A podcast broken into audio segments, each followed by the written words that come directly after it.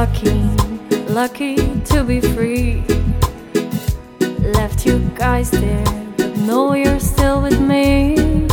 Fight them all with your love, love will give you victory. Goedemorgen zonder zorgen en welkom bij een nieuwe aflevering van Jasmin schrijft luid op, de podcast. Eh, deze podcast is er eigenlijk uitzonderlijk vandaag, omdat ik onlangs de vraag kreeg van een uh, seksuologe was het. Jasmin, je hebt al veel boeken geschreven. Ik wil zelf ook een boek schrijven, maar hoe doe ik dat nu? En waar begin ik? Wat zijn de stappen? En ze vroeg mij om daarover te bellen.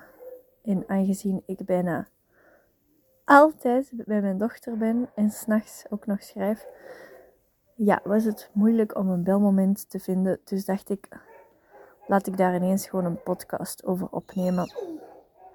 Wie weet zijn er nog mensen die een boek willen schrijven of krijg ik die vraag nog eens en dan kan ik ze gewoon doorverwijzen naar aflevering 6, denk ik dat dit gaat worden. En dus, uh, om een antwoord te geven, ik ben ooit op de wilde boef beginnen schrijven. Ik denk dat om te schrijven, om te kunnen schrijven, moet je eerst en vooral heel ontspannen zijn. Als je ergens mee zit of je bent iets aan het overdenken in je hoofd, dan gaat je er op papier ook niet veel van terecht brengen. Ik schrijf nu ondertussen vier jaar, en, nee, vier en een half denk ik. Nee, vier. En ik heb eigenlijk één maand nog maar gehad dat ik niet kon schrijven. En dat kwam omdat mijn schoonouders hier waren. En uh, dus ik weet, moest je daar nu in zitten, ik weet hoe dat voelt. Dat is echt raar. Je wilt dan beginnen, maar er komt niks.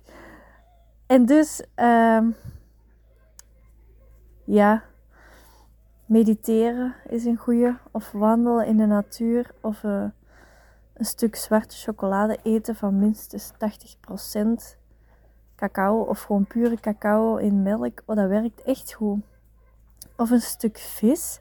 Echt een stuk verse vis uit de zee. Als ik dat hier eet, wauw, mijn hoofd gaat echt alle kanten op. Mijn hersenen werken echt drie keer beter.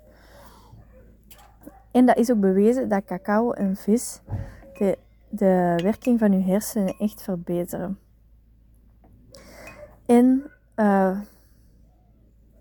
ja, nee. Ja, mediteren is, ja, mediteren, wandelen en die twee dingen eten zijn voor mij echt degene dat het beste helpen. Of, uh, vroeger had ik ook nog, als ik nieuwe mensen leerde kennen, dan ging ik liften en dan babbelde ik met iemand vreemd.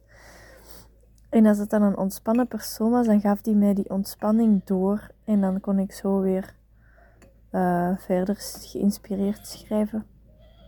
Want er is echt een groot verschil tussen gewoon schrijven om te schrijven en dan echt zo schrijven als je een goed idee hebt.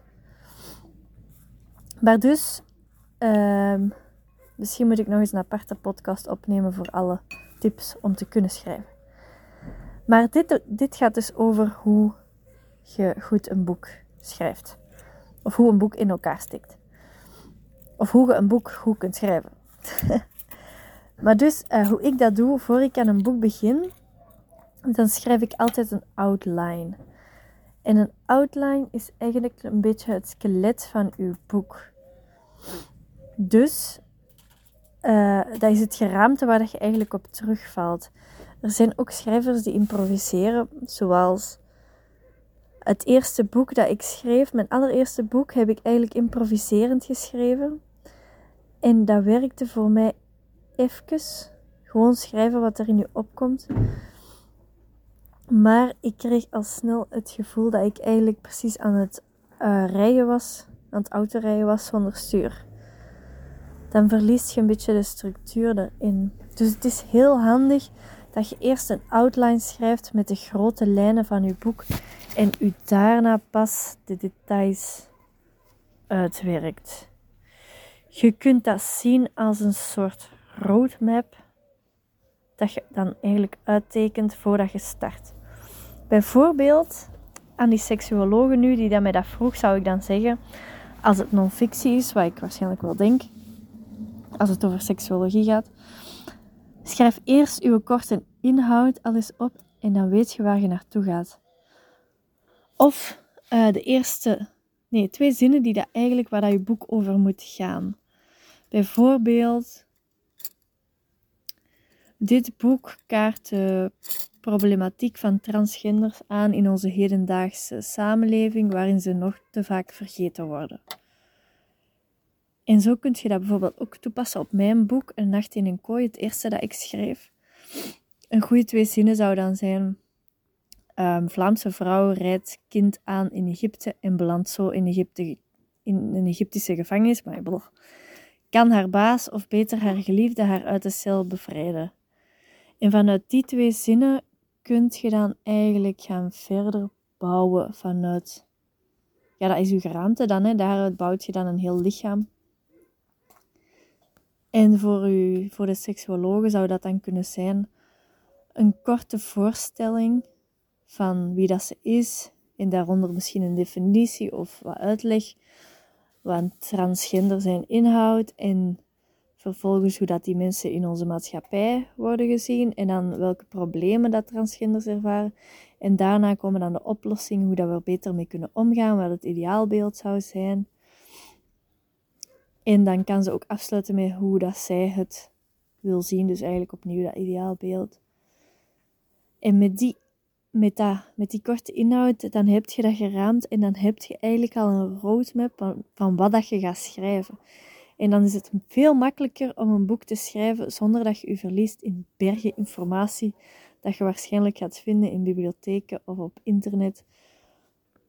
Of ja, er is zoveel tegenwoordig dat je eigenlijk snel verdwaalt.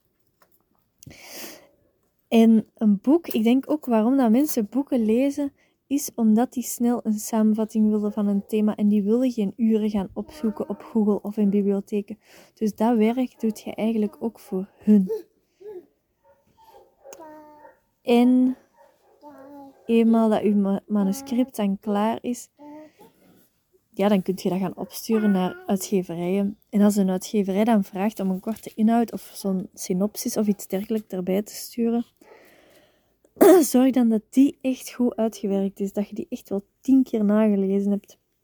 Want uitgeverijen die beginnen eigenlijk zelfs niet aan je manuscript te lezen, tenzij misschien uitzonderlijk dat ze u kennen of dat je al een bekend persoon bent. Maar dus, die gaan verder op je korte inhoud. Als die niet duidelijk is, dan komt er niks van je manuscript. Maar uh, moest je dan geen uitgeverij vinden? Maar ik, ik, ga altijd uit van dat je er wel één vindt. Want ik denk als je daar echt, echt, echt, echt wilt en echt, echt, echt niet opgeeft, dan gaat je er uiteindelijk wel één vinden. Maar je kunt het ook zelf uitgeven natuurlijk. Ik denk het grote verschil in iets uitgeven in eigen beheer of het door een uitgeverij te laten doen, zit hem vooral in de professionaliteit. Het geeft u ook naam als je een uitgeverij hebt. Want met een uitgeverij laat je eigenlijk zien: hey, mijn manuscript is wel gekozen uit zoveel duizenden vaak. Maar daarna heb je ook direct een bewijs dat je waarschijnlijk wel kunt schrijven.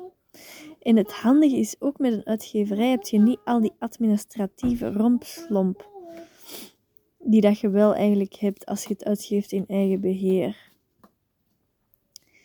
En ik heb het geluk dat ik een uitgeverij heb die me redelijk vrij laat, maar ik ken ook mensen waar dat dan niet bij is. Als ik bijvoorbeeld een titel echt, echt graag wil, of een cover echt, echt graag wil, dan komt die er wel. En er worden wel suggesties gedaan van de uitgeverij uit en titels worden soms ook wel eens afgekeurd, maar dan ben ik daar uiteindelijk zelf ook wel mee eens wat ze erover te zeggen hebben.